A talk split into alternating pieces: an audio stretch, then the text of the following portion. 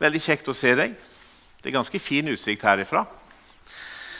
Eh, godt å få samles. Jeg, I dag har jo slips, da, for det er dager på jobb. Sånn, eh, og jeg pleier jo å si når jeg reiser rundt omkring, at eh, å, å, takke for å få lov til å, å få komme. Og så tenkte jeg på det i går at det må jeg jo ikke finne på å ta som en selvfølge her på huset. Så tusen takk for at uh, Den forfulgte kirke får være en del av dette menighetsfellesskapet, for det får det være.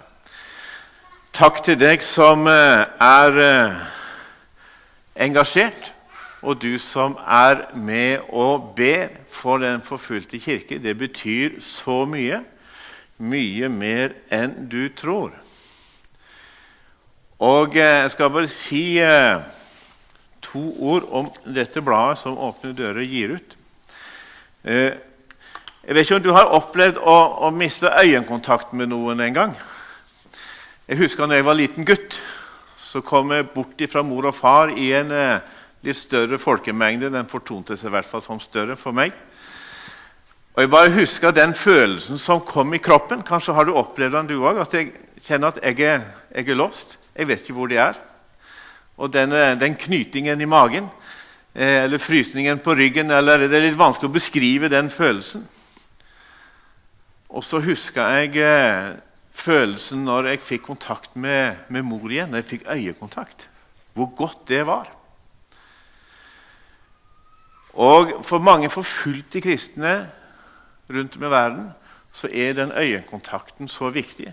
Derfor er det alltid et eh, ansikt på forsiden av bladet til Åpne dører. For de ønsker å få øyekontakt med deg og meg. Eh, de ønsker å, å, bli sett.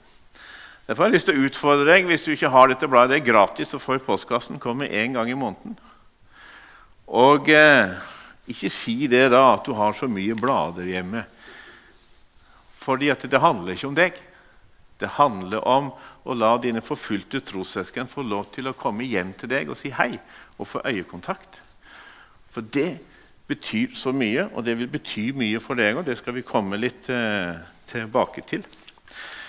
Sånn, eh, og så får du med bønnekalenderen, som er det viktigste redskapet vi har i arbeid for en forfulgt kirke. Så da kan du stå i kø på bokbordet der ute etterpå. Skriv deg på lista. Eller så er det en sånn fast track-mulighet. da. 2012, 2212 og skrive bønn på SMS, så vil du få, få bladet. da.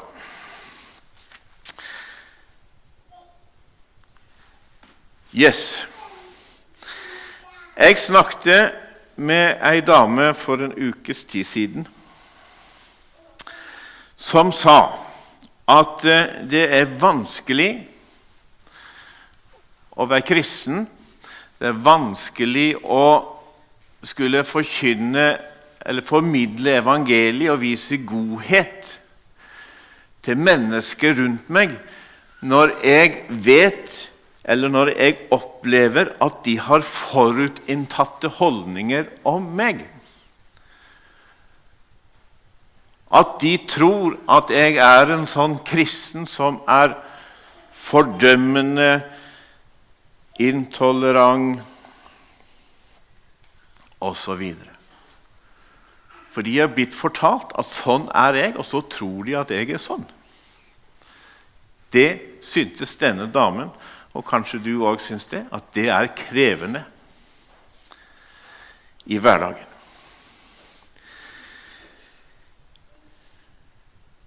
Jesus han kaller oss til å løfte blikket til å se utover det vi ser, og høre noe annet enn det vi hører. For det er forskjell på å se og å se. Det er forskjell på å høre og høre. Bare spør kona di. Ikke sant? 'Jeg har jo hørt.' Nei, du har ikke hørt. Det skulle være gjenkjennbart. Så i dag skal du få en litt annerledes utfordring. Og kanskje få strekke deg litt etter å se litt utover det som en vanligvis kanskje tror en ser. Vi skal dele noen oppmuntrende vers fra Matteus evangeliet. Fra Matteus kapittel 5. For der sier Jesus.: Salige er de som blir forfulgt for rettferdighets skyld, for himmelriket er deres. Ja, salig er dere når de for min skyld håner og forfølger dere, lyver og snakker ondt om dere på alle vis. Gled og fryd dere, for stor er lønnen dere har i himmelen. Slik forfulgte de også profetene før dere. Ble du oppmuntra? Dagens tekst er henta fra en kjent tale som Jesus holdt, som heter Bergprekenen. og Den går over to kapitler i Matteusevangeliet. Og Jesus han var en populær taler. Det var eh, mange som, eh, som, ville høre han og samle seg rundt han. Og eh, på slutten av denne talen så står det at folket de var slått av undring over Jesu lære. Fordi at han lærte dem med myndighet. Og ikke sånn som de skriftlærere, altså de som pleide å undervise. Når Jesus snakker til oss, så er det alltid real life. Det er alltid virkelig liv. Fordi at Jesus snakker sant om Gud, og han snakker sant om våre liv. Det er ingen uklare gråsoner i Jesu tale. De må vi eventuelt legge til for egen regning, fordi at Jesus han snakker sant. Og Han snakker ikke bare sant om våre erfaringer og våre omstendigheter, og sånn, men han snakker også sant om det som hjertet vårt er fylt av.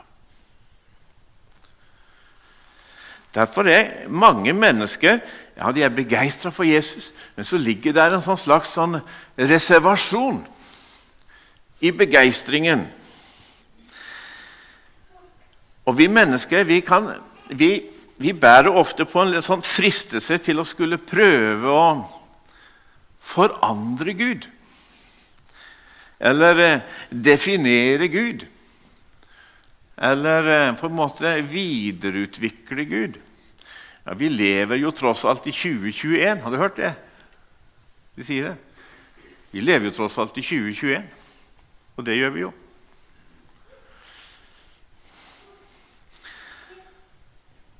Og Denne fristelsen til å skulle forme Gud i vårt eget bilde, den eh, bunner selvsagt i flere ting, men en av de tingene, tror jeg da,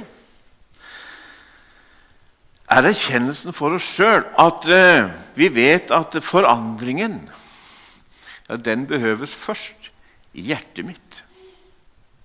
Det må begynne hos meg. Og Dette er noe vi vet, men det er ikke alltid vi liker å vite det, vite det fordi det, det, krever på en måte at vi er villige til å, å velge å dø ifra oss sjøl. Og vi liker ikke dø. Vi er redde for å dø. Derfor er det fristende for oss å prøve å, å ta en eh, avstikker. Og det å ta avstikker kan en fort bli religiøs av.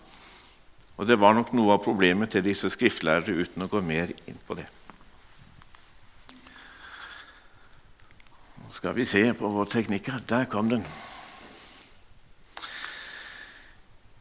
I avisa The New York Times så sto det for noen år siden en notis om et tyveri fra kirken til Church of the Holy Cross. Kirken ligger på Manhattan. For Rett før gudstjenesten en søndag i august så oppdaga kirketjeneren eller vaktmesteren at Kristusfiguren var tatt vekk, var stjålet. 100 kilo, Han var over 100 kilo tung, den figuren. Den var fjerna fra det store trekorset i kirka. Og Måten tyveriet var gjort på, skapte faktisk litt mer oppsikt enn at han faktisk var stjålen. fordi at disse tyvene de altså måttet klatre opp på veggen med stiger, skrudd ut fire bolter, fått ned Jesus, tatt han med seg og stokket av. Eh, og Vaktmesteren sa følgende til avisa The New York Times dagen etterpå at jeg tror de må ha tenkt vi lar korset bli igjen og tar med oss Jesus. Vi vet ikke hvorfor de bare tok Jesus. Jeg tenker at når de først tok risikoen, hadde det vært enklere å ta hele krusifikset. Og så ble egentlig vaktmesteren den store predikanten den dagen. da, I The Church of the Holy Cross. Og disse her tyvene de gav oss egentlig litt sånt eh, tilsnitt i profetisk bilde for oss i det de gjorde. De ville ha Jesus, men ikke korset. Hvordan er det med deg i ditt liv? Er det sånn med deg òg? Vil du ha Jesus, men ikke korset? Ønsker du deg en Jesus uten kors? For mange år siden så jobba jeg ved noe som heter Norsk Hydros forsyningsbase på Mongstad. Det ligger i Vestland fylke. Jeg var en nykristen mann i begynnelsen av 20-årene. Jeg var litt sjenert, hadde en del sånn negativ bagasje inni meg fra min oppveksttid. Og uh, mange ting. Det skal vi la ligge. Men uh, hver lunsjpause så samla den gjengen som jeg var en del av. Vi spiste lunsj sammen. og I den gjengen var det også en som vi kan kalle, Alf. Han var jo en gammel mann tenkte jeg da. Han var 55 år. Det er jo ingen alder nå for tiden. Men Alf pakket opp matpakken sin, folda sine hender, og så ba han en bønn for seg sjøl for maten. Dette skjedde hver dag.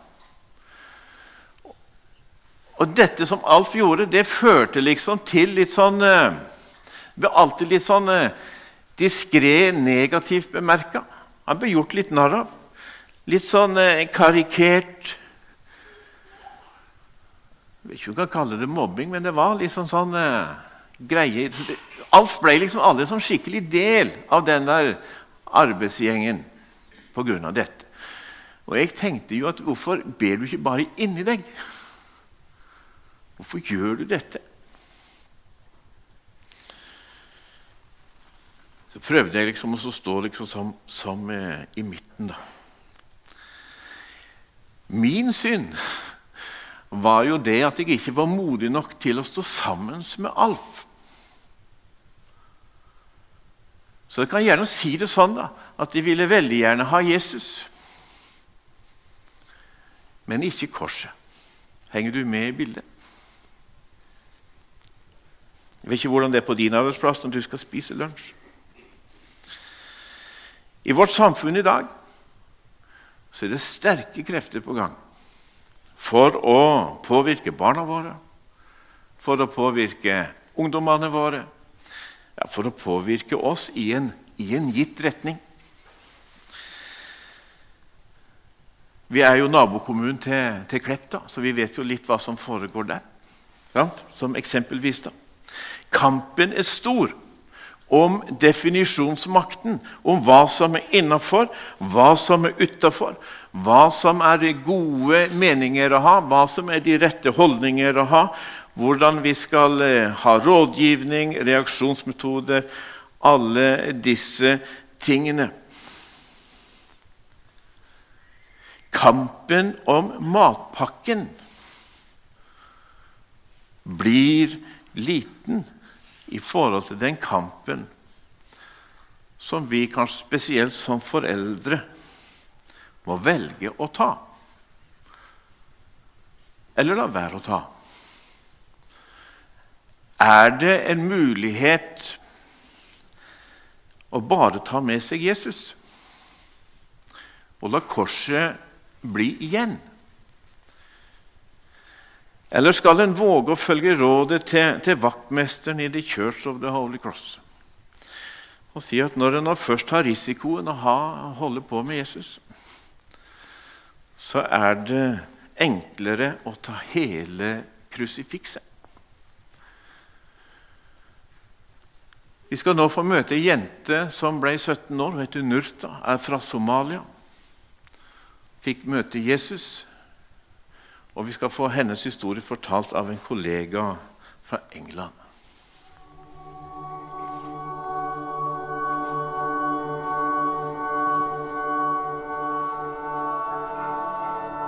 I'm on the road a lot with my job. I had this crazy idea to visit every university location in the country. One van, two years. With the aim to fuel and strengthen the student mission movement in the local church. And it's been a brilliant adventure. I'm actually from a sleepy little countryside town. And this is home. This is where I grew up. I used to come here for walks with my family, and I've got some great memories. I'm really conscious about having a faith that goes the distance. It's what I'm passionate to see in the lives of students up and down the country, committing to live for Jesus for the rest of their lives. And the journey will get tough sometimes. We wonder whether we can keep going. Sometimes it is easier to choose to blend in with our culture, with the crowd, our mates, become apathetic about living for Jesus. I recently heard about Nurta, and I was blown away by her story. Her journey of faith was a short one, but in that short time, she made it count. She was sold out for Jesus. Nerta was 17 and from Somalia in East Africa, one of the most dangerous places on earth. If you become a Christian there, you pretty much write your own death sentence. Nerta did just that. It's insane when you think that here you're learning to drive at 17, or planning for uni, or sorting what you're going to do with your mates on Friday night. When her parents found out about her new faith, they were livid. They were so angry they made her a prisoner in her own home, a place where she should have been safest. Her own family turned on her. They snatched her freedom, but they couldn't take away her love for Jesus. In the daytime, Nurta was shackled to a tree in the blazing sun. At night, they locked her up in a shed. It was pitch black and freezing cold. But Nerta refused to deny Jesus. For the next few months, her family beat her. They gave her drugs to try and alter her mind. Again, Nerta refused to deny Jesus. She wouldn't go back. They say that, in the end, gunmen were hired and they shot her dead. At 17, she gave up everything because she saw something in Jesus worth living and dying for.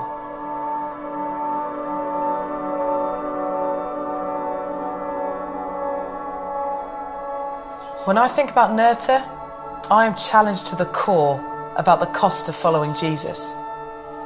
We have a God who laid down his whole life, gave everything for us. I want to be part of a generation whose response to him is passionate devotion. We won't be turned back. We won't stop. We won't be detoured from our journey of faith.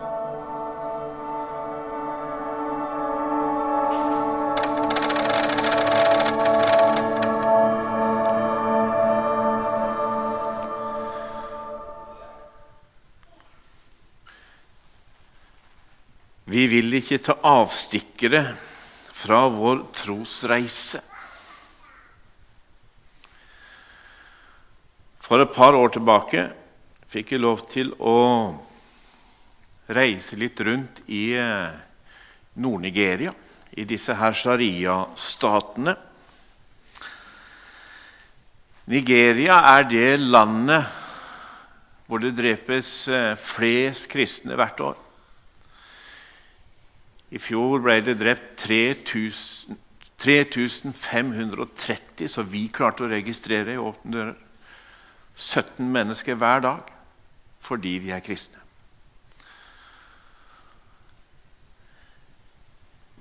Og de kristne trossøsken i Nigeria de roper til Gud. Og de trenger at vi ser dem. Rapportene for eh, dette året ser ut som det er mye verre dette året enn i fjor. Men vi fikk besøke et eh, pastorseminar. Et sted hvor de utdanner nye pastorer og sender de ut i disse små lokale menighetene. Og eh, Jeg var en tur innom eh, biblioteket deres. Det vil si de hadde en bokhylle med noen bøker. Og Der fant jeg en bok som eh, provoserte meg eh, ganske kraftig, egentlig, og som jeg har tenkt mye på etter det. Eh, og den boka, den heter Pain. The gift nobody wants, altså lidelse. Gaven som ingen vil ha. Og så står det en advarsel på det blå feltet der. A life without pain can really hurt you. Altså Et liv uten lidelse kan være skadelig for deg. Er det sant? Er det en riktig påstand?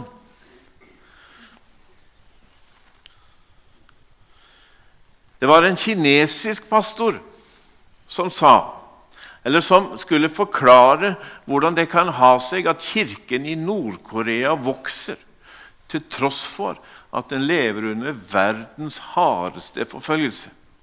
Verdens vanskeligste land å være kristen i. Josia, det er fordi at de nordkoreanske kristne de har oppdaga lidelsens gave. En gave som mange kristne går glipp av fordi de enten er redde, eller fordi de ikke er villige til å åpne den. Og Så leste han fra Filippebrevet kapittel 1 og vers 29, der det står at for Kristi skyld fikk dere den nåde ikke bare å tro på Han, altså på Jesus, men også å lide for Han. Og dere står i den samme kampen som dere før har sett meg kjempe, og nå hører dere at jeg fremdeles står i den.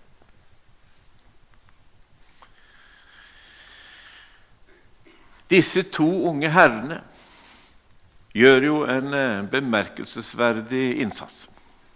Det må vi si. Vi liker å se på dem, og eh, vi er imponerte. Og de melder på, på TV at i dag så tok Norge gull. Eller 'vi vant' er ofte litt sånn sjargongen når det kommenteres. Og disse som faktisk tok gullet, da, de kan jo fortelle oss om et liv med ganske mye strev. Om å være sliten, om smerte, om å være lei og våt, om beinharde prioriteringer og være irritert og skada og alle disse her tingene her. Er det historien de forteller? De forteller jo noen glimt av det. Men eh, fokuset som de kommuniserer, det er jo at det, dette er en del av å ta medalje. Dette er en nødvendig del for å kunne innkassere seieren i Tokyo. Så kreves det noe på den andre siden. Med andre ord veien til seierskransen handler om å ha et større bilde på innsiden enn omstendighetene på utsiden. Veien til seierskransen handler om å ha et større bilde på innsiden enn omstendighetene på utsiden. Hva skulle det bety for meg? Og hva skulle det bety for deg? Hva er denne lidelsens gave? som kan skade deg om ikke du oppdager den, eller om du ikke våger å åpne den gaven. Hva er det Jesus kaller deg og meg til når han sier det at du, søk først Guds rike? Så skal du få alt det andre i tillegg. Dette er Aisha.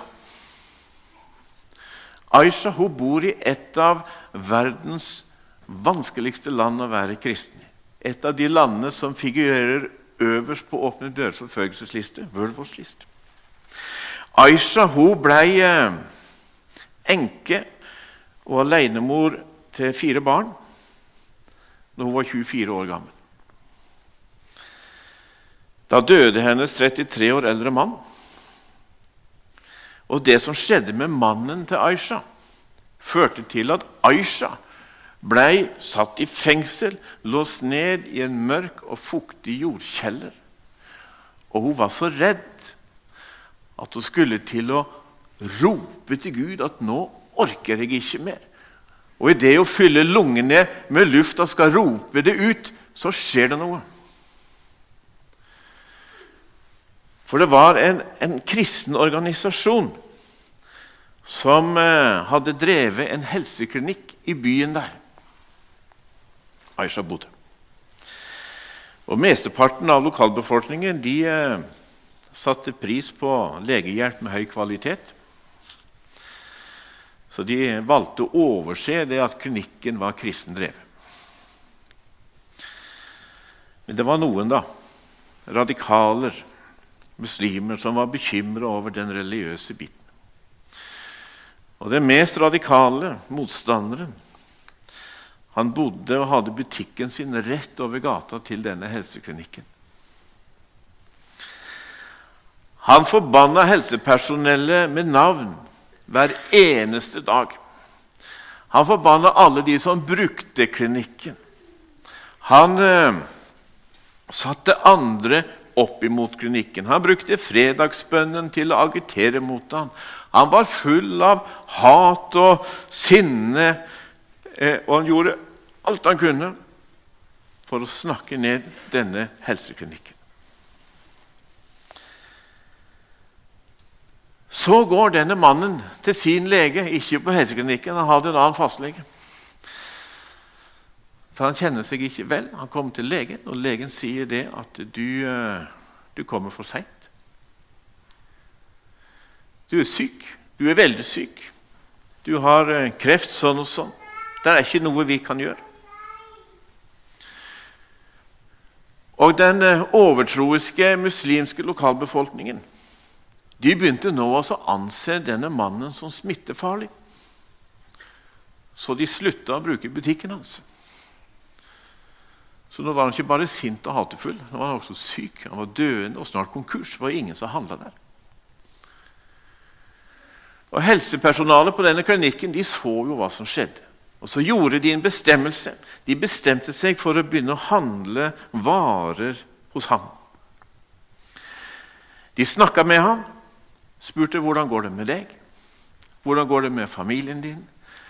Er det noe vi kan hjelpe deg med? Så fikk de hjelpe ham med litt sånn smertestillende medisiner.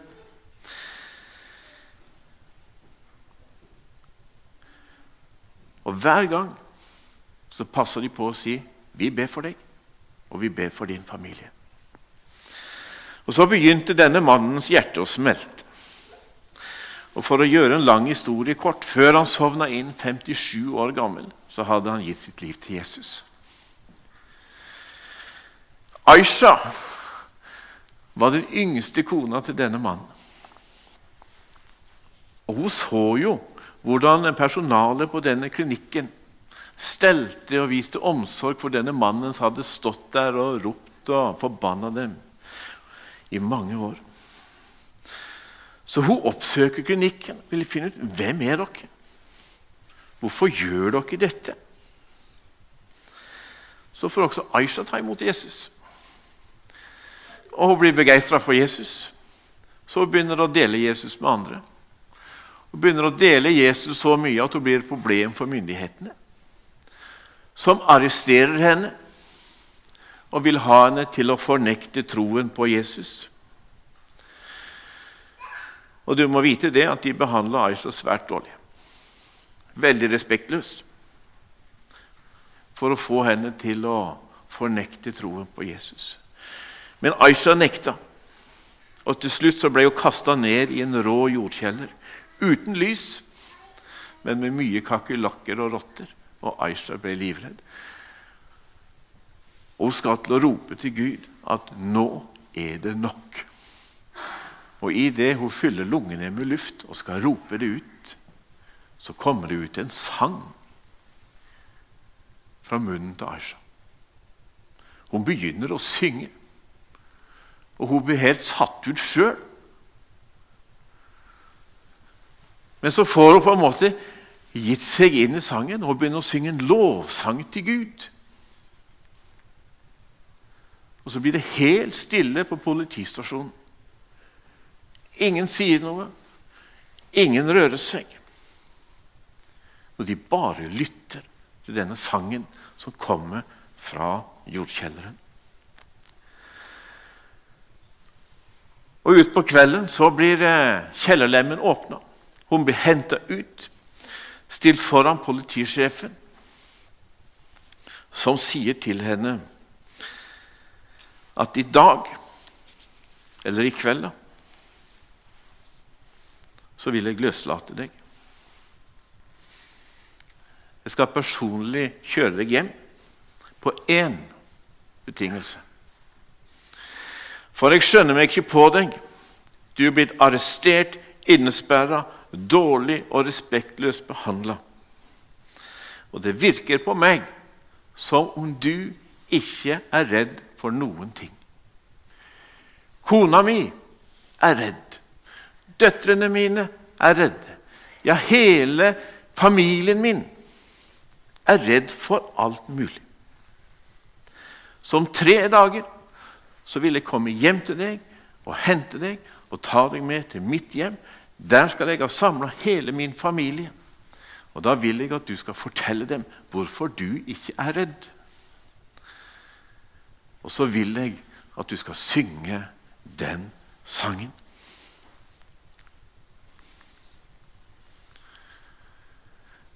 Salig er de som blir forfulgt for rettferdighets skyld, for himmelriket er deres. Ja, salig er dere når de for min skyld håner og forfølger dere, lyver og snakker ondt om dere på alle vis. Gled og fryd dere, stor er lønnen dere har i himmelen. Slik forfulgte de også profetene før dere. Når Jesus snakker til oss, er det alltid real life. Det er alltid virkelig liv, fordi at Jesus snakker sant. Han snakker sant om Gud, og han snakker sant om våre liv. Og Jesus snakker sant ikke bare om våre omstendigheter og erfaringer, men han snakker sant om det som vårt hjerte er fylt av. Og Aisha trengte jo definitivt en forandring av omstendighetene. Og så så Jesus at det Aisha trengte aller mest, var en forandring i hjertet. Fordi at hat, hardhet og bitterhet i ens hjerte er mye mer ødeleggende enn noe annet. Også for forfulgte kristne som Aisha. Og sånn er det for meg, og sånn er det også for deg. Og Jesus, han kaller på hjertet vårt. Han kaller på vårt hjerte for mennesker rundt oss. Om vi nå får statsstøtte eller ikke.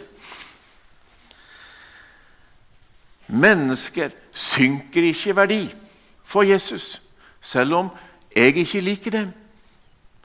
Eller om de snakker stygt om meg, eller om de forfølger meg. Fordi at Jesus døde for alle mennesker.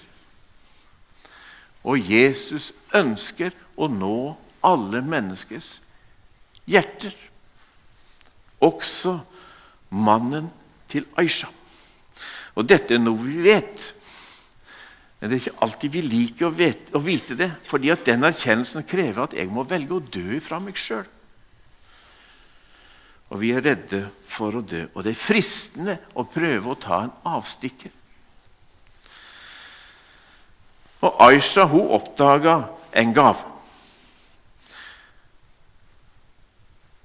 Livet ble forandra. Politisjefens liv ble forandra og Guds rike er på ferde i den byen. Jeg tenker at når de først tok risikoen, hadde det vært enklere å ta hele krusifikset, sa vaktmesteren.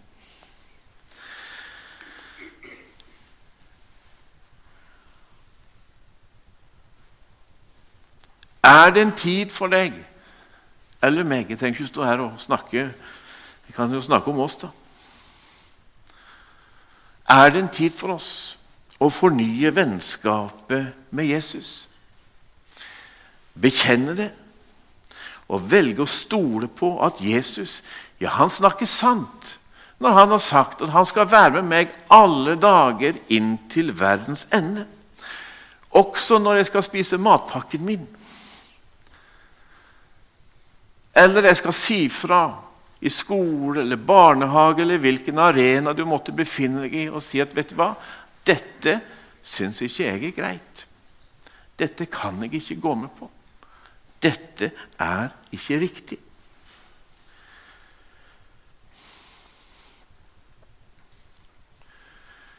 Det var ei jente som het Stine. Hun var eh, Gikk i hvert fall på barneskolen. Hun skulle skrive stil om påsken og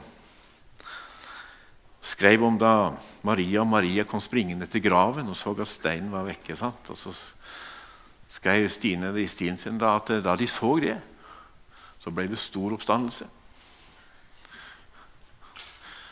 Jeg skal si det ble stor oppstandelse.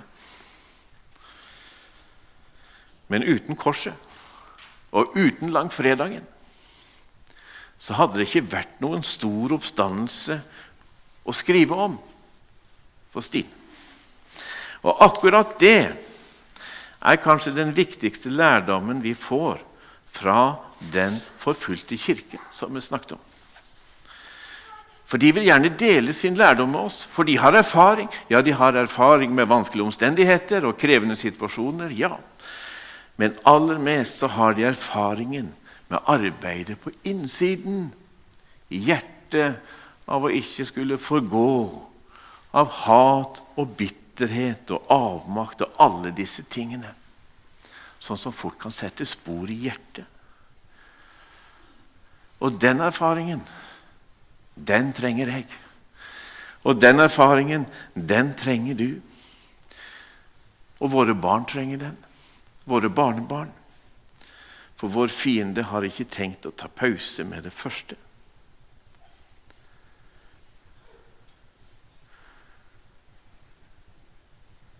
Vi hadde med en journalist til Egypt på en sånn tur vi var på. Og Vi hadde samla noen kirkeledere, og det var rett etter noen sånne bombeeksplosjoner i noen kirker. Og Journalisten spør disse lederne hva er strategien deres for å kreve deres rettigheter som kristne i dette landet. Så sier lederne at vi har jo ingen strategi for å kreve rettighetene våre. fordi at det vil bare føre til krig. Og det er jo det motstanderen vil. De vil jo slåss, og de, for de er gode til å slåss. Vi er ikke så gode til å slåss. Men vår strategi det er å lære våre barn å leve så nært Jesus at de er i stand til å møte den hverdagen de møter på utsiden av dette bygget. Det er vår strategi. Jesus sa noen ganger 'Den som har ører å høre med, hør'.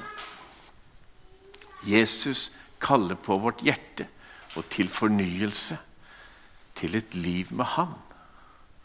Så har han noen hemmeligheter for oss som bare oppdages i fellesskapet med Jesus. La oss be. Kjære Jesus. Vi takker deg for at du er sterkere enn våre omstendigheter.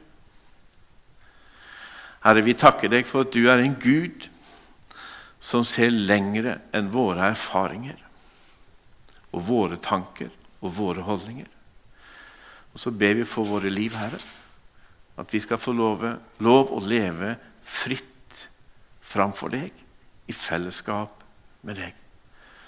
Så ber vi for de i dag, Herre, som kjemper med tvilen, som eh, kjemper med skammen, heretter etter å ha fornekta deg, de som står på vanskelige valg.